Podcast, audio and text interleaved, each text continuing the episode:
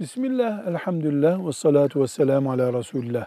Tehiyyetül mescid ne demektir deniyor. Tehiyyetül mescid, mescidi selamlamak demektir.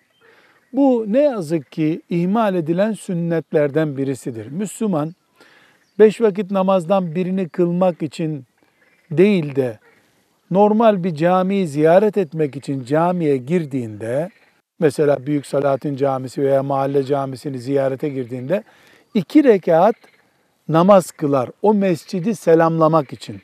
Buna tehiyyetül mescid denir ve mühim sünnetlerden birisidir. Velhamdülillahi Rabbil Alemin.